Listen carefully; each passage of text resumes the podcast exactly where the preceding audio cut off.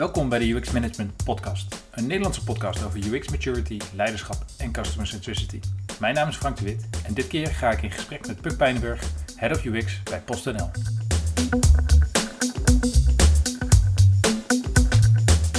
Voordat Puk vier jaar geleden aan de slag ging als Head of User Experience bij PostNL, werkte zij bij Hak aan projecten voor verschillende grote organisaties en was een paar jaar in dienst als ontwerper bij Sanoma.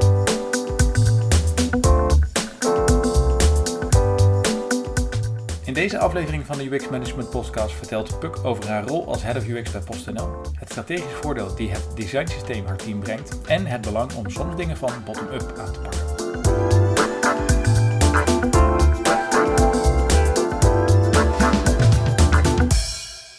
Puk, welkom. Zou jij jezelf kort kunnen voorstellen en kunnen vertellen welk pad jij hebt bewandeld om uiteindelijk bij PostNL terecht te komen?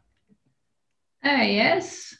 Um, ik ben uh, nou, verantwoordelijk voor UX bij PostNL. En hiervoor heb ik bij Icon gezeten. Uh, daarvoor bij Sanema. En uh, ik werd op een gegeven moment benaderd voor een Head of UX functie. En toen dacht ik, oh, kan ik dit al? Maar uh, dat was niet helemaal het bedrijf waarvoor ik wilde werken. Dus toen ben ik eigenlijk gaan googlen en gaan vergelijken. En ja, PostNL leek mij een heel gaaf bedrijf, omdat, omdat het het is ook meer een service uh, wat je online betekent dan alleen een, uh, een webshop of een uh, product. En ik denk, daar, toen ben ik gaan solliciteren en toen hebben ze me aangenomen. Hartstikke goed.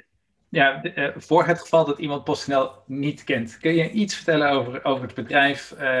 wat, wat, wat zien jullie als dienst en service? Wat bieden jullie aan? ja, we bezorgen post en pakketten.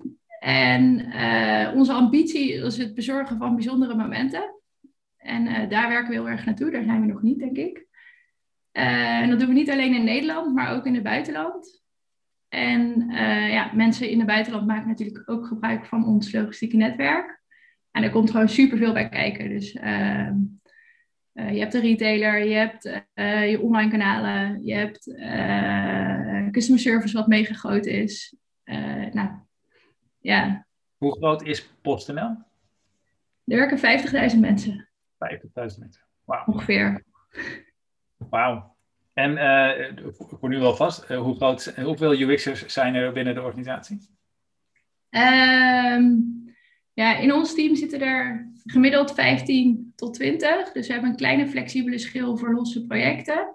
En wij focussen ons echt op de, de klant en de consument.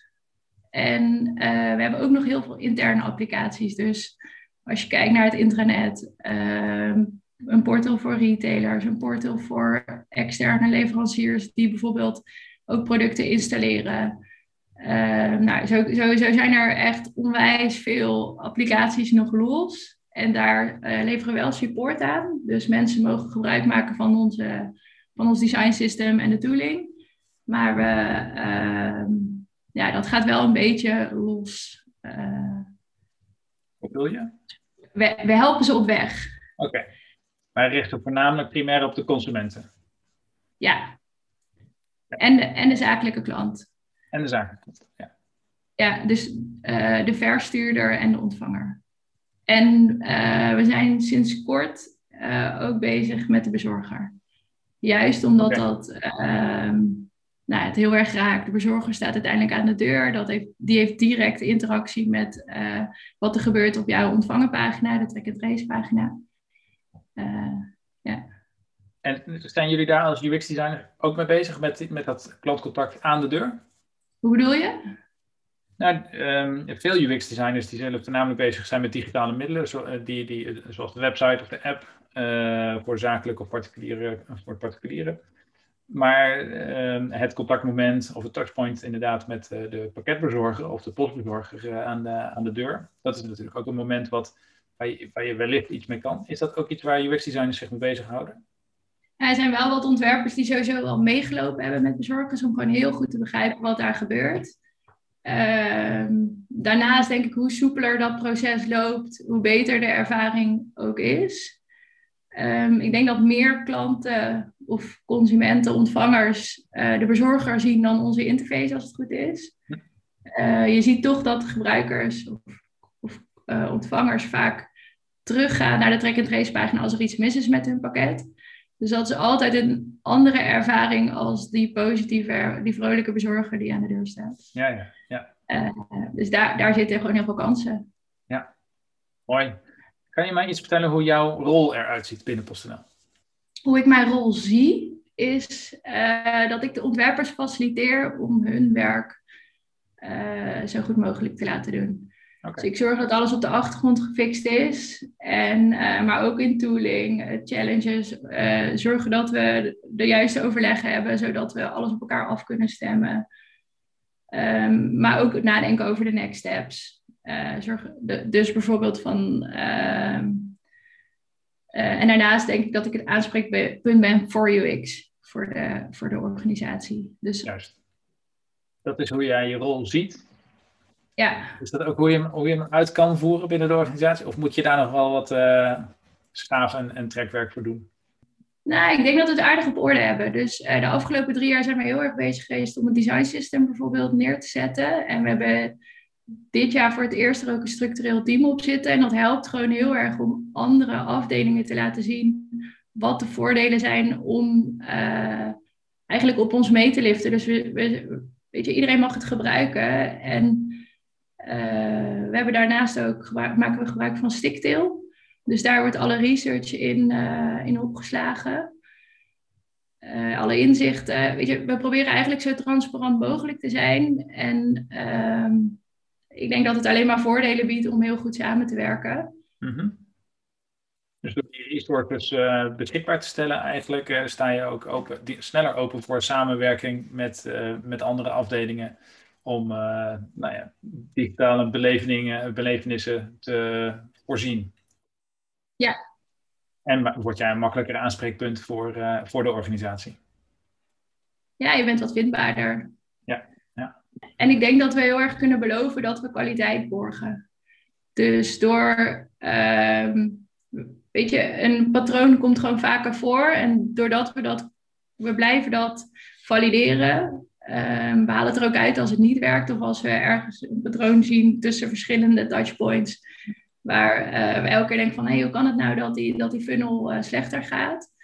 En dan gaan we ook echt terug naar dat team en zorgen dat dat weer geoptimaliseerd wordt.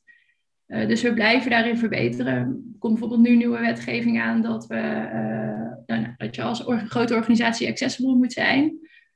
maar ja, hoe doe je dat dan? En als je als ontwerper alleen ergens op een eilandje zit, dat krijg je gewoon niet allemaal gemanaged. Mhm. En nu heb je een team van resources achter je die jij mag inzetten om jouw werk beter te maken. En uh, met hetzelfde afstemming met merk. Wat, wat, willen we uitstralen en hoe, hoe zijpelt dat door? En dat, gaat van knoppen tot fotografie tot illustraties. Uh, maar ook wie maakt ze en uh, Kijk, onze ambitie is dat we nooit voor vertraging zorgen, maar wel helpen om verder te komen. En daar dragen jullie flink aan bij. Kun je, kun je iets vertellen over hoe, want dat, dat klinkt heel gestroomlijnd al, kun je iets vertellen over hoe je ervoor zorgt dat als zo'n nieuwe wetgeving bijvoorbeeld, uh, als die komt, hoe dat dan door de organisatie opgepakt wordt, of door je team opgepakt wordt? Ik denk hoor, ja, het is en continu benadrukken hoe belangrijk het is dat je dat je bijvoorbeeld accessible wil zijn. Of de, um, er was nu ook wel een aanleiding. Mm-hmm. Uh, dus we werden aangesproken door een gebruiker op, uh, op een stukje van de website waar het er gewoon niet goed in elkaar zat. Plus we waren er zelf al mee bezig en we zijn eigenlijk heel erg op dat moment meegelift. Uh, dus we hebben dat, dat stukje gebruikt om te laten zien hoe belangrijk het is dat wij echt voor iedereen toegankelijk zijn. Um, nou, dat was stap 1, denk ik. En daarnaast hebben we zelf samen met Merk, dus onze Merk, als je nu naar de huidige website kijkt, dan zitten er best wel wat dingen in, zoals de witte teksten op oranje buttons, die gewoon niet accessible zijn. Ja, hoe ga je dat oplossen als je hele merk daaromheen hangt? Uh, dus we, we zijn denk ik drie kwart jaar bezig geweest samen met merk om te kijken hoe we dat dan wel in kunnen vullen, wat de mogelijkheden zijn binnen het merk om dat bij te sturen. Um, daar hebben we eigenlijk nu gezamenlijk een visie op. En um, dat zijn we nu langzaam aan het uitrollen. En dat uitrollen, hoe werkt dat? Ja, dat is natuurlijk een nog grotere uitdaging. Ja. Ehm, nou, het, ik denk dat we twee routes hebben. Dus we hebben top-down hebben we gekeken van, kunnen we dat bijvoorbeeld meenemen in onze targets van de afdeling? En in, en in onze ambitie dat we willen voldoen aan die wetgeving. En uh, we hebben uh, Peter van Grieken, die helpt ons om uh, mee te denken over hoe we dat binnen de hele organisatie goed op kunnen zetten. Dus hij heeft ons een aantal handvaten gegeven. Ehm, hij doet expert reviews met de teams. Hij, hij begeleidt eigenlijk alle ontwerpers, zodat we ook die kennis in de teams hebben. Uh, dus zij mogen, ja, hij is gewoon beschikbaar voor hun om, uh, om de kwaliteit op accessibility uh, te vergroten, waardoor het ook geen last is op de teams, zeg maar, tot en met ontwerp. Ehm, en we hebben het heel erg bespreekbaar gemaakt in het UX-overleg. En um, eigenlijk zo, nu is iedereen heel erg enthousiast en is het vooral kijken van hey, hoe kunnen we nou stap 1? Buttons is niet iets wat je uh, per touchpoint of in ieder geval per stukje of per team kan oppakken. Dus we zijn wel heel erg aan het kijken van ja, hoe gaan we dat nou generiek uitrollen. Mm Maar er zijn ook heel veel dingen die je wel per stukje kan doen. Dus we hebben het een aantal keer ook. Uh, we zijn het nu aan het AB testen. We hebben het al uh, een aantal keer kwalitatief getest. Dus op die manier. Hoe, krijg je, want uh, je vertelt over uh, toegankelijkheid binnen, binnen je team, uh, enthousiast krijgen. Maar er zitten nog veel meer stakeholders omheen natuurlijk. ga je op dezelfde manier te werken om, om hun ook enthousiast te krijgen? Of zijn er nog andere manieren voor? Nou, ik denk de noodzaak duiden. Dus we hebben een filmpje gemaakt. waarbij we echt mensen met een beperking ehm, door onze website hebben laten lopen. Nou, dan zag je ehm, dat ze niet verder kwamen dan de cookie-melding, omdat daar een foutje in zat. Ja, nou, dat is natuurlijk super pijnlijk en heel belangrijk om, uh, om dat gewoon te fixen. Ja, zien is geloven. Ja, dat, ja, dat helpt heel erg. Ehm, en inderdaad daarop aangesproken worden in het openbaar helpt, denk ik. Ehm, maar ook zorgen dat het in de target zit, dat is ook een belangrijke. Dat is ook wel een sterke, inderdaad. Hoe, uh, hoe krijg je dat voor elkaar om, eh, om, om zoiets als toegankelijkheid een target te laten worden van zo'n grote organisatie met 50.000 man in niet? Nou ja, um, ik ben natuurlijk onderdeel van online als afdeling en daar zit het binnen de target. Um, nou, samen over hebben wat we belangrijk vinden. En uiteindelijk, als wij als PostNL de ambitie uitspreken om voor iedereen toegankelijk te zijn, of voor, voor, uh, we bezorgen voor iedereen, dan moet je ook over dat soort dingen nadenken. En het zijn natuurlijk best wel grote aantallen. En het is ook nog eens niet alleen als je uh, een beperking hebt, maar het is ook gewoon, het kan ook heel veel andere dingen gemakkelijker maken. Dus als je in de zon staat. Uh, dus die groep is nog veel groter dan de echte. Ja. ja ik geloof dat Peter Vergrieken uh, bij ons inderdaad een keer een presentatie heeft gehouden dat in ieder geval 2 miljoen Nederlanders uh, wel een vorm van beperking hebben. En dat hoeft, maar, uh, hoeft helemaal nog niet gek veel te zijn. En dat je zelf uh, ook regelmatig beperkt bent als je bijvoorbeeld maar één hand kan gebruiken, omdat je met je andere hand het anders aan het doen bent, of in de zon staat. Ja. ja, precies. En, en, en dat soort voorbeelden, dat helpt gewoon heel erg, denk ik. Ja, om, om, om mensen mee te krijgen, inderdaad. Eh, kan je iets vertellen over hoe, hoe design binnen, binnen de organisatie is, uh, is ingericht? Uh, zitten jullie in één, één team? Zitten jullie bij elkaar? Zitten jullie. Ja, er zijn net wat verschuivingen, dus het is best wel lastig nu. wij zitten als UX bij elkaar, wij vallen onder online. maar we hebben ook een service design afdeling, daar werken we superveel mee samen, maar die zit wel op een andere plek. Um, en research, die... Die doen weer voor beide, uh, of die ondersteunen beide. Dus zowel service design als UX. En daar komt dus ook denk ik heel veel samen. Um, en we hebben eigenlijk teams die werken op touchpoint niveau en we hebben teams die werken op journey niveau. Um, dat is denk ik een beetje hoe grof de organisatie in elkaar zit. Ja, en daarnaast hebben we dus een centraal design team uh, die zorgt dat alle teams gebruik kunnen maken van die blokkendoos. Oké, okay, dus die zijn verantwoordelijk voor het design system en jullie noemen dat de blokkendoos? Nou ja, sorry, ik noem dat oneerbiedig. Nee, het heet gewoon design system. En, okay. die maken gebruik van het design system En daar zit een, een, product owner op, wellicht. Ja, dat ben ik nu nog. En ik denk dat het inderdaad een hele goede next step is. Omdat, nou, ik denk de eerste next step is voor ons om een frontender aan te haken. Waar we tegenaan lopen is dat we gewoon gebruik maken van superveel uh, verschillende systemen. Maar dat is nog wel het stukje wat we redelijk centraal kunnen oppakken. Dus we hebben nu één UX'er en een visual designer die daar echt fulltime op zitten. En ja, idealiter heb je natuurlijk gewoon een living style guide. Ja. En daar heb je de frontender voor nodig. Check. Ja, ja. En je had het zo net al over UX-overleg. Hoe, uh, hoe, hoe, communiceren jullie? Hoe, wat, wat gebeurt er in zo'n UX-overleg? Um, ja, ja wat, wat, het belangrijkste vinden we vragen beantwoorden. Dus uh, daar beginnen we. Ja, we beginnen eigenlijk met algemene mededelingen. En we hebben een stukje updates vanuit de verschillende teams. Dus het design system team pakt altijd een momentje. Research pakt altijd een momentje. Uh, om gewoon weer iedereen even mee te nemen over uh, wat er speelt. Want stel je voor, je hebt een patroon gevonden. Nou, dan wil je wel dat iedereen even naar zijn eigen platform kijkt. Waar dat stukje zit. Uh, en of dat stukje er ook zit. En daarnaast kijken we dan naar vragen. Dus zodat iedereen eventueel even kan sparren. Soms is het interessant om het gezamenlijk op te lossen. Soms is het beter om dat even na het overleg te doen. En daarnaast uh, kijken we altijd naar één of twee projecten. Dat is een beetje de, de hoofdstructuur die we aanhouden, maar dat wijkt uh, heel vaak af. Hoe kan dat dat het afwijkt? Nou, ik denk gewoon ook kijken wat er nodig is en kijken uh, waar we gezamenlijk energie van krijgen en ehm, van allerlei redenen. Zou je iets meer kunnen vertellen over, uh, over de cultuur binnen de, die, uh, die daarvoor nodig is om uh, een goed UX-overleg te hebben, maar ook om UX breder in te zetten, zoals een designkritiek wellicht, ehm, presenteren van, van projecten inderdaad. Zijn daar ook anderen bij betrokken? Hoe, wat, wat, moet je doen om een, om een design-driven cultuur of, een, of misschien wel een data-driven cultuur op basis van onderzoek te creëren? Ja, de cultuur in het UX-team is eigenlijk, ik denk dat we die, we proberen hem heel plat te houden, dus geen, geen hiërarchie en het echt samen te doen. En ik probeer een cultuur te creëren waar je gewoon fouten mag maken, van elkaar kunt leren, uh, waar zelfstandigheid heel erg gewaardeerd wordt.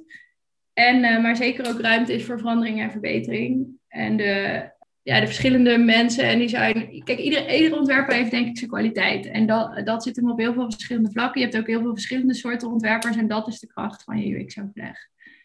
Um, de ene is visueel wat sterker, de andere is heel goed in complexe problemen. En je komt vaak alles toch wel tegen in je ontwerp.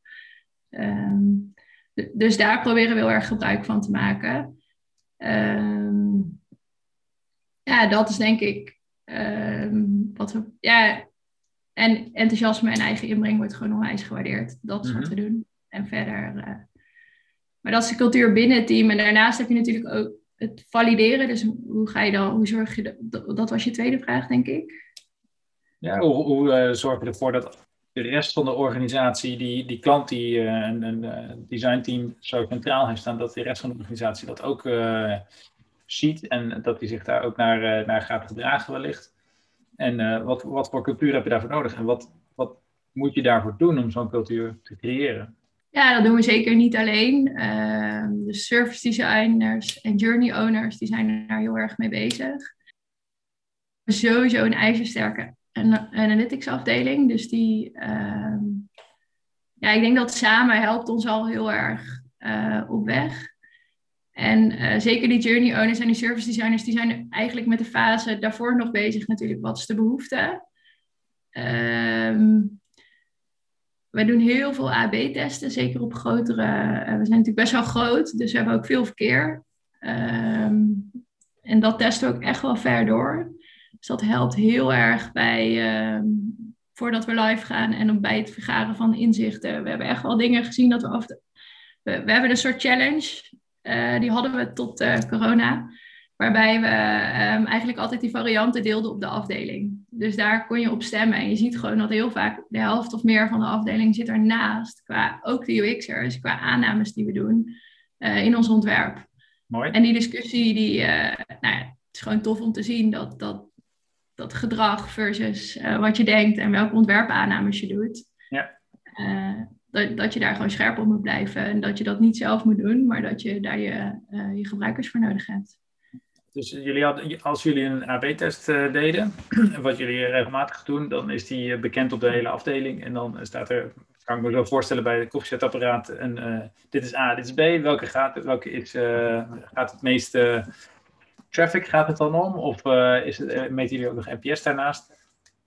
Nee, ja, van alles. Dus conversie, maar ook call-intentie. Dus hoe, ja, heeft iemand de intentie om te bellen, maar je hebt heel veel verschillende doelen uh, die we meten. En afhankelijk van de vraag uh, worden die doelen gezet. Maar precies dat, inderdaad. Mooi. Ja, een hele mooie manier om uh, te presenteren, inderdaad. Hoe, hoe is die samenwerking met Analytics? is die vrij intensief? Ja, er zit bijna in elk team zit er gewoon vast een persoon die verantwoordelijk is voor de Analytics. En eh, dan hebben we nog een uh, soort AB-testteam, waar via alle AB-testen lopen. Um, dus je hebt en dashboards en, um, en nog los. Dus als we een nieuwe flow hebben of een MVP, dan wordt die ook nog helemaal doorgemeten. Um, ik denk wel een interessante next step is om te gaan kijken naar. Nu meten we inderdaad nog best wel op harde dingen, maar nog niet op de user experience. Dus daar ligt nee in mijn ogen nog wel een kans, slash next step. Van oké, we zeggen dat we het simpeler maken, maar ja, wat betekent dat dan? En doen we dat dan ook echt? Terwijl de, nu vaak een AB-test uh, eh, vaker uh, gericht is op conversie, op inderdaad uh, reductie van, van frictie. Ja. Hoe, hoe zorgen jullie er verder voor om de, de, de voice of the customer naar binnen te krijgen? Want AB-test is één en analytics is natuurlijk twee. Hoe zorgen jullie verder om de, ja, de voice of the customer in de teams of in de organisatie te krijgen? Het scheelt een beetje per team. Dus uh, we hebben één team wat gewoon, of twee teams eigenlijk, die volledig bezig zijn met customer care. Dus die brengen heel erg die journey in kaart, maar kijken ook aan de hand van cool data. Die luisteren ook mee bij het service center. Ja, dan hebben we nog de service designers, dus die doen heel erg behoefteonderzoek. Um, en innovatiestudio, daar, komt ook, uh, daar komen natuurlijk ook gewoon inzichten vandaan. Uh, we doen heel veel uh, research, dus we hebben sowieso een maandelijkse heartbeat, noemen wij dat. Dat je, um, dan, nou, dan pikken we er één of twee uit. Dat gaat, wordt ook wel meer, zeg maar, naarmate we met meer ontwerpers en teams zijn. Ja, en los, iedereen kan, een, we hebben, iedereen kan een gebruikerstest doen of usability test wanneer die wil. Uh, dus we proberen het gewoon heel erg te faciliteren. Oh ja, zo, uh, aanvragen slash uh, samen opzetten. Dus we hebben hm. één vast blad, die helpt ons daarbij. Dus we hebben één persoon die daar aanspreekpunt voor is en één persoon intern. En zij pakken dat eigenlijk samen op. Dus zij faciliteren dat. En ehm, ja, kijken wat er nodig is om ook weer niet die druk extra de drempel te verlagen, zeg maar, binnen de teams. Uh, dus dat zij gewoon door kunnen. En uh, we hebben liever dat iedereen gewoon een dag aanhaakt, zodat hij echt meekijkt, dat je begrijpt wat er is en hoe het werkt. Dan dat iedereen heel veel bezig is met de voorbereiding en ehm, alle andere dingen eromheen, die, die niet per se heel veel waarde toevoegen. Ja, ja. Kun je me iets vertellen over die service designers en de UX designers? Wat, wat maakt hun verschillend van elkaar of wat zijn de overeenkomsten? We zijn allemaal ontwerpers.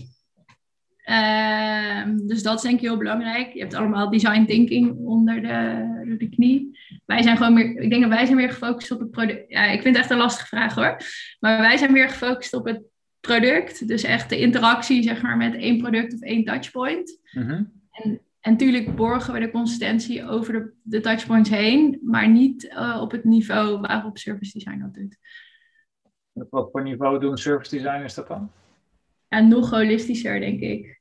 Uh, dus wij zitten meer dan op consistentie en, uh, en zij denken, uh, zij zitten on- en offline. Zij kijken meer naar on- en offline. Ze, laten, ze kijken ook veel meer vanuit de behoeften. Uh, wij ook wel, alleen echt op productniveau. En als je dat op journey niveau doet, wordt het natuurlijk, dan, ja, dan krijg je andere inzichten. Mhm. En zijn de, de UX designers, uh, zijn die dan meer bezig met de interfaces? Ehm, nou ja, het zijn geen UI designers. Nee. Ik bedoel dan meer misschien met, uh, niet alleen maar met de interfaces uh, zoals, zoals de UI inderdaad, maar meer hoe moet het werken, maar ook hoe moet het eruit zien, wat, welke tone of voice moeten we daar gebruiken, welke functionaliteiten moeten we daar hebben, welke flow moeten ze doorgaan. Ehm, nou ja, het wordt gewoon, ik denk dat, dat hoe gedetailleerder het wordt, hoe technischer ook het, het ook wordt. dus ik denk dat UX-designers overal, zeg maar, gewoon wat technischer uh, en wat meer op de details zitten en minder onderzoek. Sorry, wat, ik heb volgens mij de vraag niet helemaal beantwoord. Nou, wat het verschil is tussen de UX-designers en inderdaad de service designers. Maar de service designers, zeg jij, die zijn holistischer, uh, online, offline, bezig met, met de dienst wellicht, met de service die uh, PostNL verleent. En de UX-designers die zijn meer bezig met uh, het product, waar de klant echt mee interacteert. Ja. Ja, en dat zit hem inderdaad vaak op flow-niveau. En, op, uh, en dan binnen UX hebben we daar die verantwoordelijkheden ook weer verdeeld. Want dan heb je inderdaad in het design system team, daar zitten mensen die heel erg naar merk kijken en naar toegankelijkheid. Dus die zorgen dat die basis goed staat. En binnen een touchpoint team, dan ben je veel meer bezig. Wat moet die mobiele ervaring uh, in de app zijn? En wat is dan het doel van de app versus de website? En wanneer willen we welke gebruiker waar hebben? En welke handelingen kun je binnen zo'n touchpoint verrichten? Ja. Het is ook semi-holistisch, alleen wel echt allemaal op online. Allemaal ja, binnen één, uh, één touchpoint. Mm -hmm. Als je nou, je, je, had het erover dat de afgelopen drie jaar zijn jullie behoorlijk uh, gegroeid. Uh, daar, jij bent nu ook drie jaar in dienst bij PostNL, dus daar heb jij een zekere hand in gehad. Hoe, uh, is dat, hoe heb je dat ervaren en hoe heb jij die versnelling teweeggebracht? Nou, ik denk sowieso ook wel. Er is ook gewoon steeds meer behoefte aan. Uh, corona heeft er denk ik heel erg. Nou, dat, dat zorgt wel voor een mega digitale versnelling. Um, dus dat heeft zeker ook impact gehad. Ja, ik vind het een lastige vraag. Want uh, ik denk vooral klein beginnen en um, steeds laten zien wat er mogelijk is ik kijk, uiteindelijk doen we het met de hele afdeling en met heel online en met z'n allen. Dus ik, ik zie ons wel echt als een onderdeel daarvan. En het, de credits zijn ook echt voor. Uh, we doen het wel echt met z'n allen. Dus, dus dat, vind ik wel belangrijk om, uh, om te zeggen. Maar ik, ik denk uiteindelijk. Wat wij eraan bij hebben gedragen is, is elke keer te laten zien wat er kan. En uh, het niet te groot maken. Zorgen dat, dat dat we ons aanpassen aan het proces. Uh, we hebben een soort van wensenlijstje liggen wat, wat next steps zijn. En elke keer als er een kans voor doet, laten zien uh, hoe we dat eventueel zouden kunnen aanpakken. Ik denk toegankelijkheid is daar een goed voorbeeld van. Uh, op die manier. Klein beginnen, laten zien welke impact dat maakt. Dat kleine wat je, waar je mee begonnen bent. En dat dan uh, vergroten en supporters voor vinden. Dat is eigenlijk wat ik je hoor zeggen. Ja, en ik, en ik denk flexibel zijn. Dus je kan wel heel erg zeggen, dit is de next step. Maar als die op dat moment niet relevant is, is er niemand die er voor je gaat lopen of je gaat helpen om verder te komen. Ja, ja. Zoals met toegankelijkheid wel, eh, wel vaker het geval is geweest waarschijnlijk binnen meerdere organisaties. Ja, uh, ja. ja mooi. Um, je had het er net al even over, maar wat is voor jou het afgelopen jaar de, de, grootste uitdaging geweest uh, binnen, binnen het team of binnen PostNL en, en hoe ben jij hiermee omgegaan? Uh, ja, corona heeft best wel wat impact gehad. En ik denk inderdaad, ook toegankelijkheid is wel een hele grote geweest afgelopen jaar. Dus hoe we dat met de visie daarop en hoe we dat met merken hebben uitgerold uh, of opgepakt. Uh, dat zijn voor ons afgelopen jaar wel de grote dingen. En waar we nu uh, heel erg over nadenken zijn, is eigenlijk hoe we goed kunnen samenwerken tussen journey teams en touchpoint teams.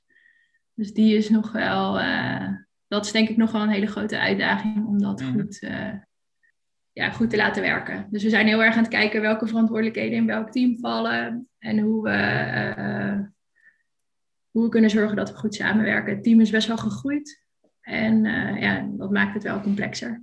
Ja. En je zit inderdaad nu ook op afstand, wat uh, dergelijke overleggen ook nog altijd lastig gemaakt wellicht. Wat voor impact heeft, heeft het afgelopen jaar op jouw team gehad? er zijn best ook wel wat nieuwe mensen begonnen. En dat vond ik in het begin wel heel erg spannend. Maar ik heb ook wel geleerd dat, dat, dat UX-designers super flexibel zijn. En ook wel, eigenlijk is ons hele proces al, al, zo ingericht dat alles online kan. Dus we hebben qua tooling en samenwerken, we gebruiken bijvoorbeeld Figma. Ja, dat zijn wel dingen die het een stuk makkelijker maken. Mm. Um, dus ik vind dat iedereen het supergoed heeft opgepakt. En uh, we hebben er met z'n allen gewoon het beste van gemaakt. Het gaat eigenlijk wel lekker. Het is meer dat je even aan het zoeken bent hoe dat, hoe dat dan moet. ja. En wat, wat, is, jouw, wat is jouw rol als, uh, als UX-lead daarin dan? Uh, ik denk iedereen samenbrengen, zorgen dat we blijven praten en um, kijken waar, waar kan helpen. Dus moeten we, we zijn bijvoorbeeld begonnen met een stand-up en dat is nu af en toe een borrel. En uh, het hoeft niet alleen maar over inhoudelijke vraagstukken te gaan, maar ook, eh, ja, ja, ik denk eigenlijk voornamelijk dat. We hebben ook wel gewoon hele goede ontwerpers, denk ik, in het team. Dat helpt ook zeker mee. ja. Nog een vervolgvraag, hoe kom je aan goede ontwerpers? Nou, uh, we hebben best wel wat externe ontwerpers en een aantal interne ontwerpers. Ik denk dat die balans heel belangrijk is. Uh, dus de, de een zit gewoon meer op de inhoud en die kent het bedrijf supergoed.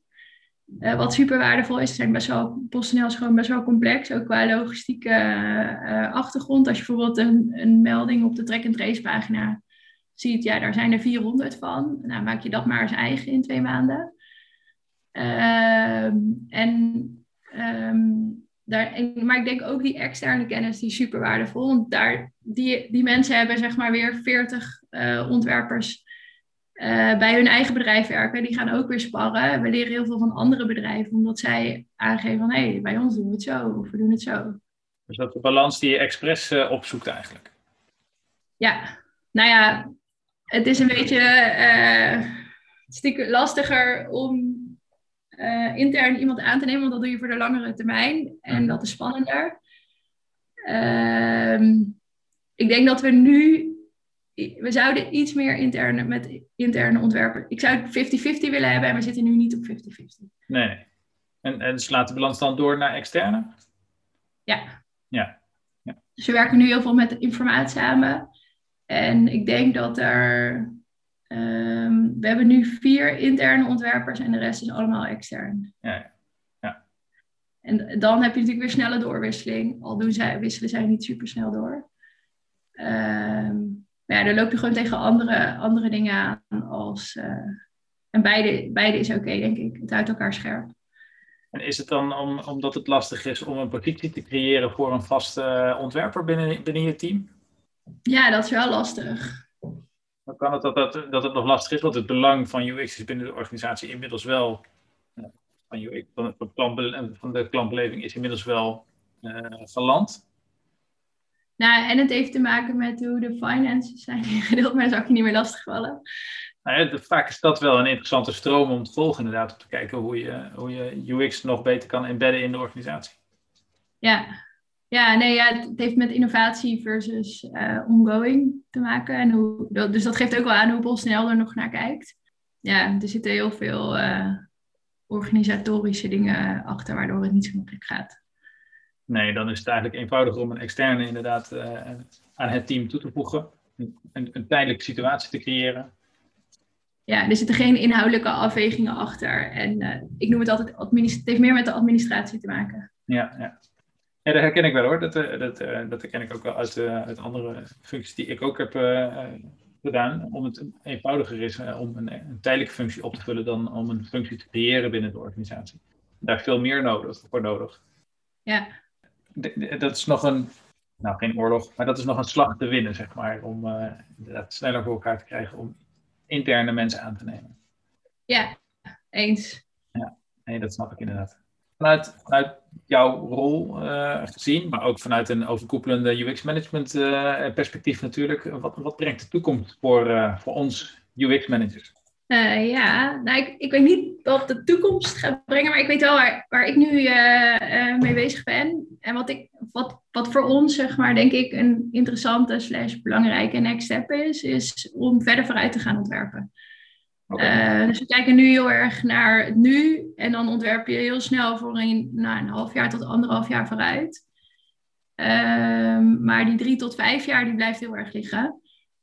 Um, en ik denk dat daar superveel kansen zitten en dat we, dat we daar echt mee aan de slag moeten. Ook, ook gewoon om, uh, om eerder de, de strategie van PostNL te visualiseren en um, ons landschap ik denk één, je gaat erdoor versnellen, omdat je, lands, je hebt meer inzicht in welke stappen je binnen het landschap uh, moet zetten en welke belangrijk zijn. Je kan hem mhm. valideren of je de goede, goede richting hebt en je kan hem klein maken. Dus uh, je, je kan heel veel input aan, strategische input aan de teams leveren, die waarschijnlijk al veel eerder met onderwerpen aan de slag kunnen. Die, uh, die anders blijven liggen en een soort van campagne worden. Of PostNL belooft bijvoorbeeld dat we over in 2035 uh, eh, volledig duurzaam zijn. Ja, daar kun je online natuurlijk superveel mee doen. Ja. Ehm, ja, daar ligt denk ik een hele, hele toffe uitdaging om, uh, om dat gewoon uit te ontwerpen. En waarom is het belangrijk dat, dat uh, Wix daar, zich daarmee bezig had? Dat, de, de, voor de, een horizon voor de komende vijf jaar? Nou, ik denk, we hoeven het niet te bedenken, maar je kan het wel tastbaar maken. En je kan het valideren en dat helpt heel erg. Dus um, het gaat ook over de context en, en al die ideeën samen. Dus we hebben een innovatielab, we hebben business development, we hebben best wel wat afdelingen die heel... Nou, we hebben de journey owners, die denken allemaal na service design, die denken allemaal na over, uh, over nieuwe ideeën, over behoeftes en uh, over richtingen. Um, en dit is een manier om dat te valideren, maar ook om het samen te laten komen. En dat laatste is denk ik heel belangrijk. Want uh, we hebben bijvoorbeeld bezorgvoorkeuren. Daar, nou, daar hebben we een pilot mee gedaan. Dat is nu ook uh, live. Maar dat heeft ook impact, denk ik, op heel veel andere strategische ideeën. Of die bij de innovatiestudio zitten. En je gaat dingen wel samen anders neerzetten. En is dan al het nieuwe wat we bedenken, is dat dan een voorkeur of is dat, zit dat op andere plekken? En daar ga je gewoon veel eerder over nadenken, waardoor je productproposities ook sterker worden. En ik denk wat wij daaraan bijdragen, is het gewoon in de context plaatsen. Dus... Wat, is de, wat, wat zou jouw rol daarin zijn uh, vanuit UX-management perspectief? Ja, ik zie dat, wat ik een beetje in het begin zei, dat is de next steps pitchen. Dus zorgen dat, dat uh, dat, het onder de, dat, dat, dat iedereen het als kans gaat zien. Aanjagen van, uh, van een, een, initiatief als dit. Zo. Ja. Echt, echt het aanjagen daarvan. Ja. Ja, vertellen wat de meerwaarde is. Uh, kijken of er momenten zijn waarop we het al kunnen laten zien. Uh, dat. Wat zijn daarin uh, jouw, niet zozeer jou, wat zijn daarin de blokkades? ja, het is lastig. Kijk, als iemand me een zak geld geeft, dan kun je het gewoon gaan doen. Maar je moet wel uitleggen waar je dat geld voor nodig hebt. En um, dan moet je ook de waarde kunnen aantonen. En uh, daar horen heel veel stappen bij. Uh, dat, dat is denk ik de uitdaging. Om dat op de juiste manier te doen, op het juiste moment. En uh, met de juiste stakeholders. En dat moet allemaal nog samenkomen voordat je die dat aanjagen kan beginnen eigenlijk om uh, naar die toekomst toe te werken? Nou, als je top-down wil doen, wel. En als je het bottom-up doet, dan uh, is er heel veel. dan kun je ook heel veel bereiken. Dus dan, dan uh, we bijvoorbeeld met Design System hebben we dat spuur geslaagd, omdat alle ontwerpers zo ambitieus zijn dat we dat echt met z'n allen willen. En we hebben denk ik anderhalf jaar lang het gewoon zelf gedaan vanuit de teams. En, en dat heeft gewoon, daar hebben we heel veel mee bereikt geen besluit nodig gehad van bovenaf. Gewoon doen. Ja. Zeg maar, zolang je het kan fixen zonder dat iemand er last van heeft, dan is er heel veel mogelijk. Ja. En dat zorgt uiteindelijk alleen maar voor meer efficiëntie binnen je discipline in ieder geval. En voor meer uniformiteit binnen je discipline. Ja. Ja, en, en, en nu ziet iedereen de meerwaarde ervan in en dat is gaaf. Dus voor de blik op de toekomst, uh, de horizon van vijf, uh, over vijf jaar, zou eenzelfde aanpak eigenlijk ook zeer geschikt kunnen zijn. Of wenselijk zijn misschien. Ja, ja. Nou ja, dan spreken we elkaar over een paar jaar weer. Check. dan... Bedankt Puk voor dit gesprek. Vond je dit leuk? Laat het dan even weten in de comments van Apple of Google Podcasts. En wil je meer weten of wil je wat laten weten? Stuur dan een bericht naar podcast.uxmanagement.nl Bye!